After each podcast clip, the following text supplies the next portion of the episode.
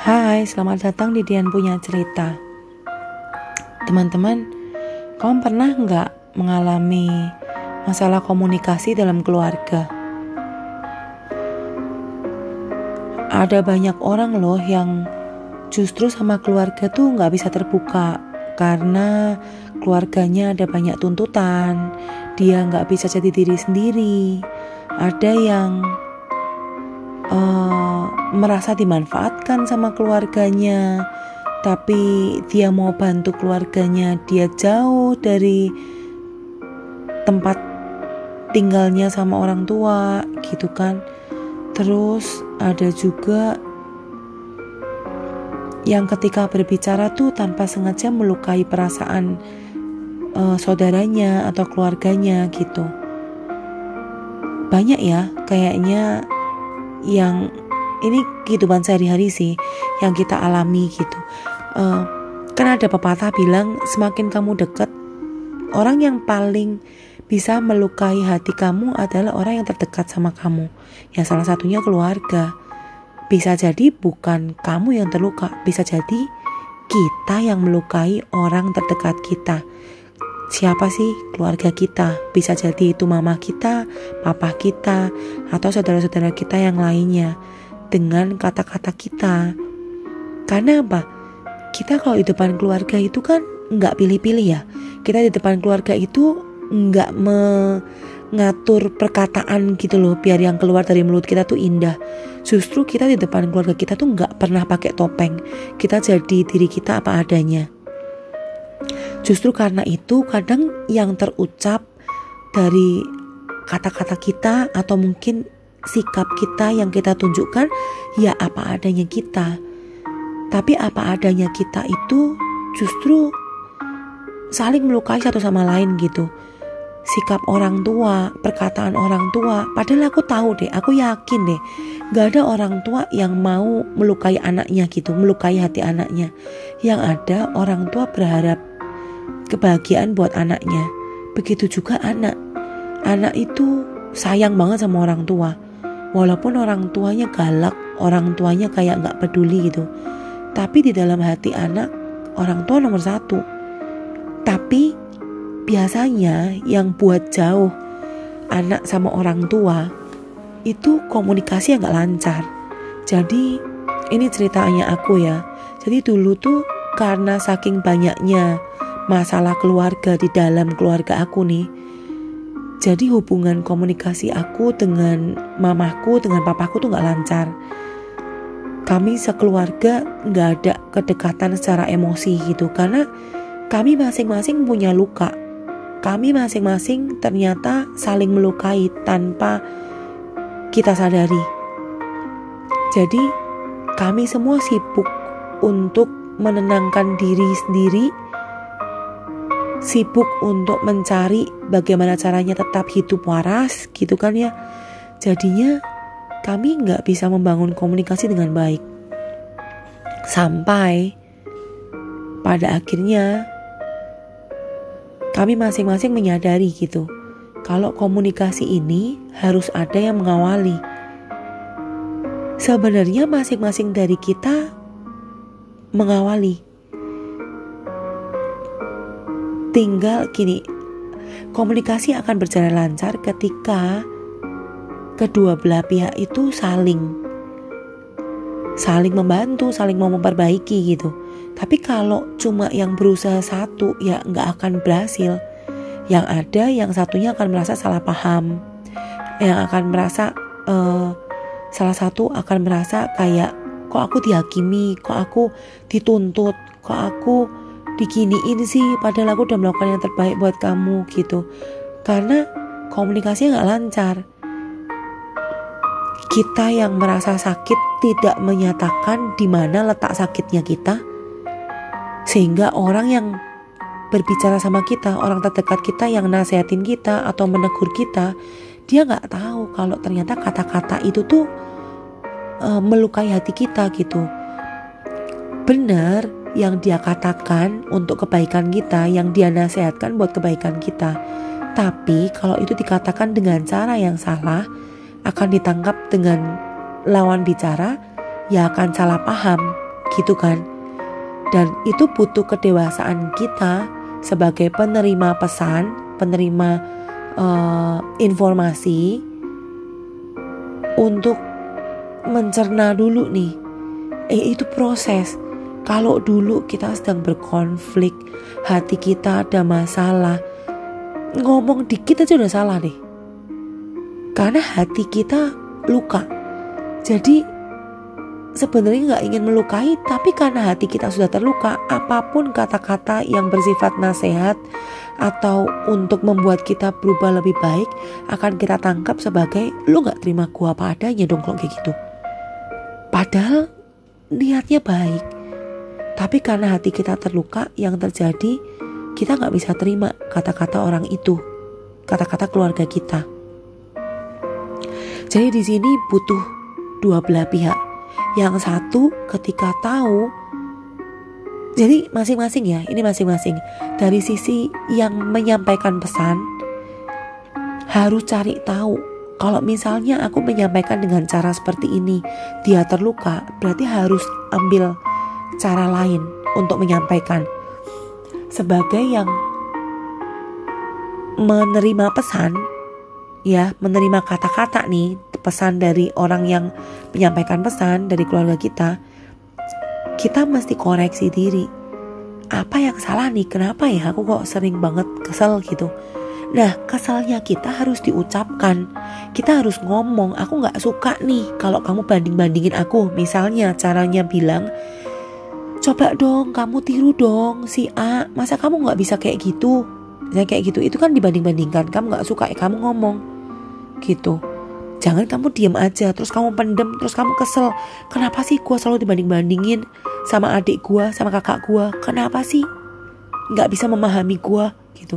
Kenapa sih kakak aku, adik aku nggak bisa memahami aku? Kenapa mereka lebih bisa belain orang lain daripada aku? Ngomong, kalau kamu nggak ngomong, kamu nggak akan tahu. Orang lain itu orang bukan orang lain.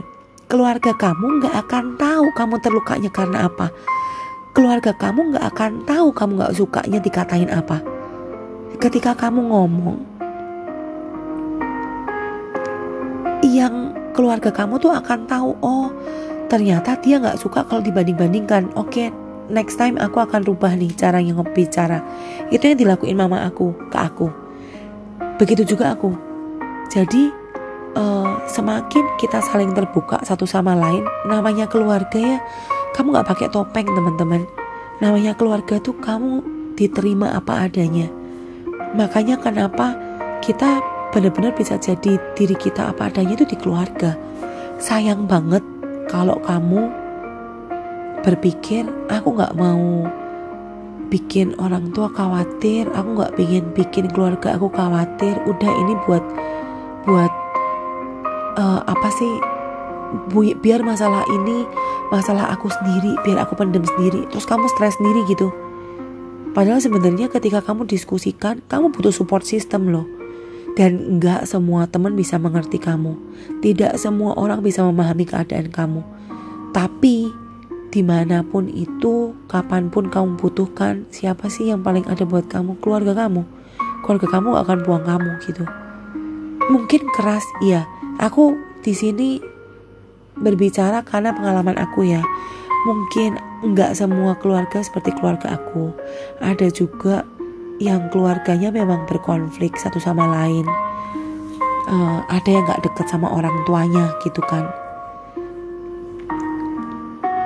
Tapi pesan aku ya, semuanya harus kita awali sih.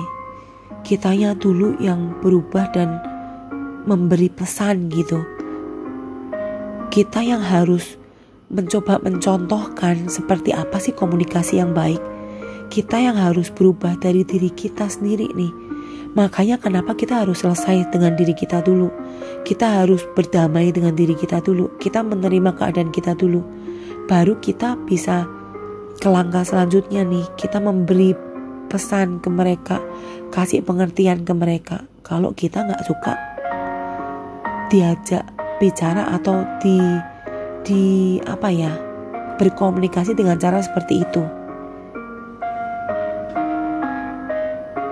Jadi sebagai keluarga kita harus saling bersatu loh teman-teman.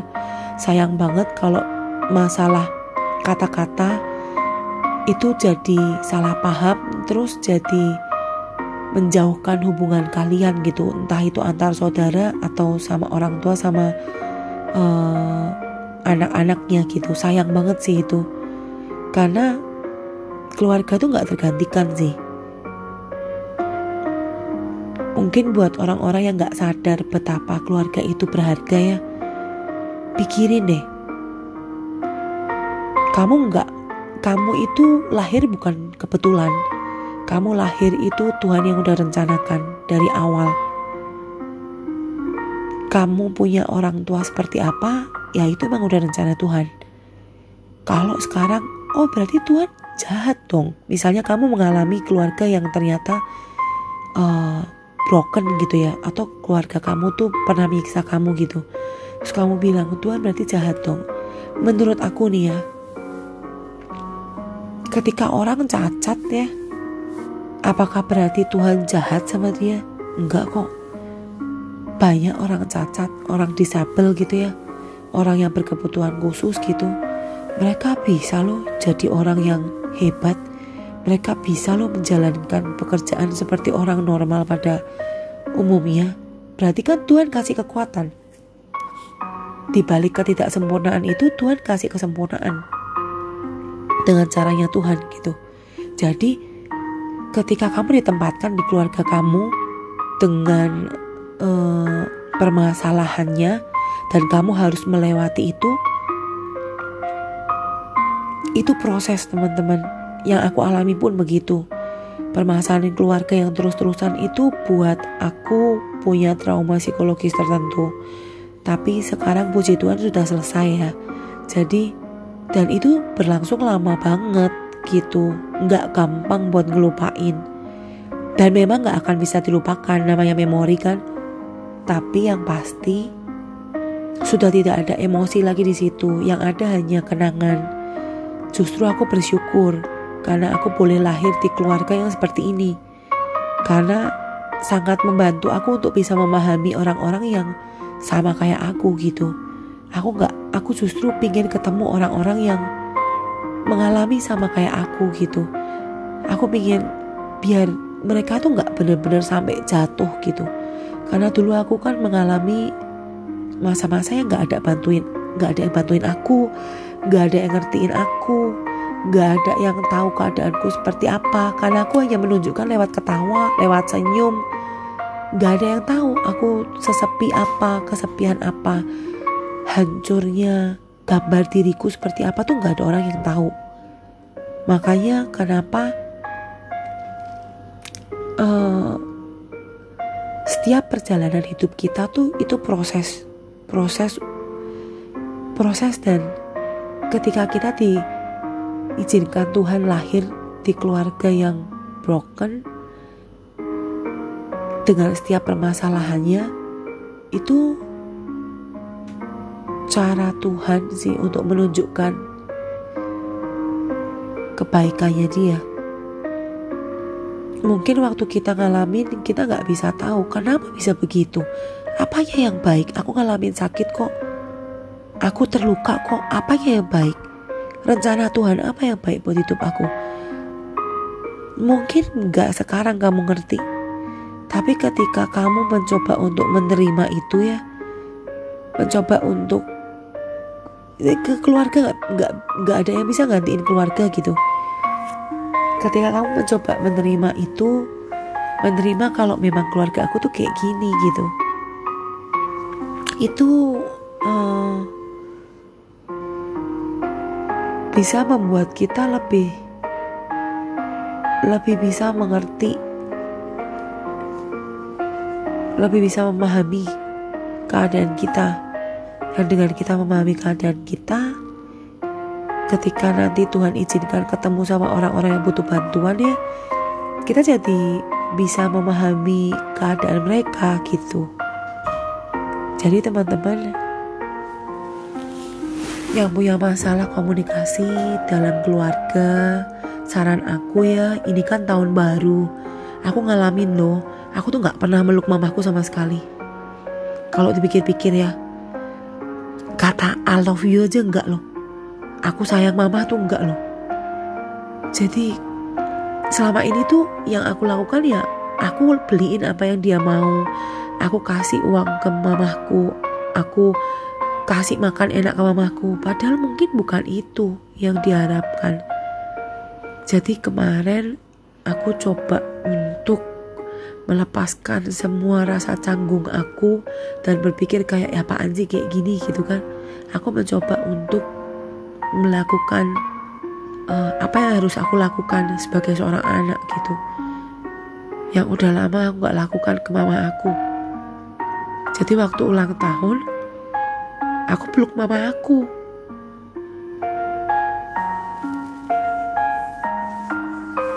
Dan itu tuh kayak wah lega banget deh rasanya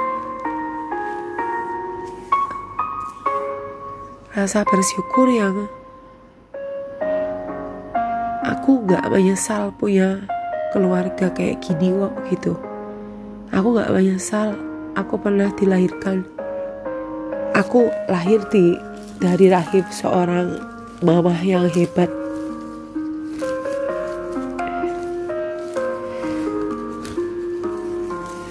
Gitu teman-teman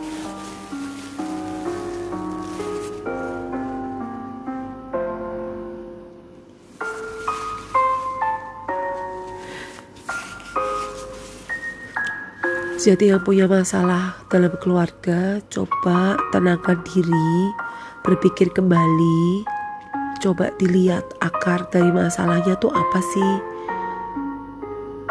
Saling memahami lah, karena keterbukaan itu awal pemulihan. Kalau kita nggak terbuka satu sama lain, gimana komunikasinya akan lancar? Masing-masing harus terbuka, masing-masing harus bicara, masing-masing harus harus bilang bagaimana perasaannya masing-masing dan harus bilang harapannya apa. Jadi masing-masing bisa memahami, bisa mengerti. Tapi itu perjalanan ya nggak bisa langsung gitu karena kan namanya itu proses hidup kan ya ada waktunya nanti akan sama-sama sadar. Dan itu kayak ada momennya gitu. Aku ngerasain kok. Ada momen di mana aku ada momen di mana aku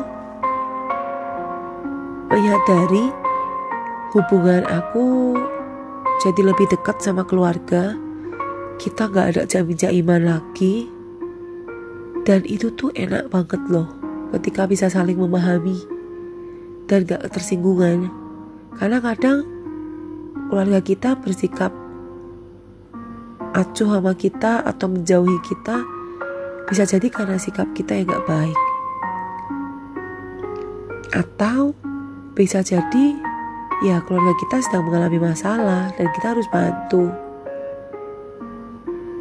Jadi semoga ceritaku hari ini ya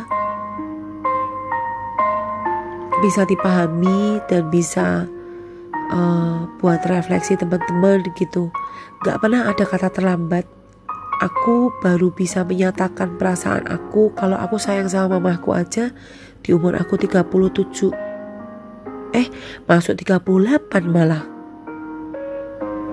Aku baru bisa peluk mama aku dan bilang aku sayang sama mama jadi gak ada kata terlambat. Berapapun usia kamu mulai deh. Nggak nggak bisa kalau kamu cuma ada di pikiran aja. Kamu harus mulai walaupun itu canggung. Walaupun itu kayak awkward banget gitu. Tapi lakuin aja. Coba dulu. Coba untuk bicara dengan jujur. Tapi dengan cara yang baik ya. Kalau kamu menyampaikan dengan marah-marah ya lawan bicara kamu gak akan menerima uh, apa omelan kamu dong jadi kalau ngomong harus benar-benar diatur dulu emosinya tenangkan dulu emosinya, baru kita bisa bicara dengan baik. Gitu teman-teman, sekian ya buat hari ini. sorry kalau nadanya jadi bideng-bideng karena itu aku tiba-tiba tersumbat teman-teman stay healthy ya jaga kondisi jaga kesehatan jaga lingkungan tetap pakai protokol kesehatan ya teman-teman. Kita berdoa covid ini pasti berlalu lah. Kita berdoa buat setiap keluarga biar dikuatin biar dikasih ketenangan jiwa buat orang-orang yang sudah positif dari lewat pengobatan, dari lewat psikisnya, mereka tetap dilindungi.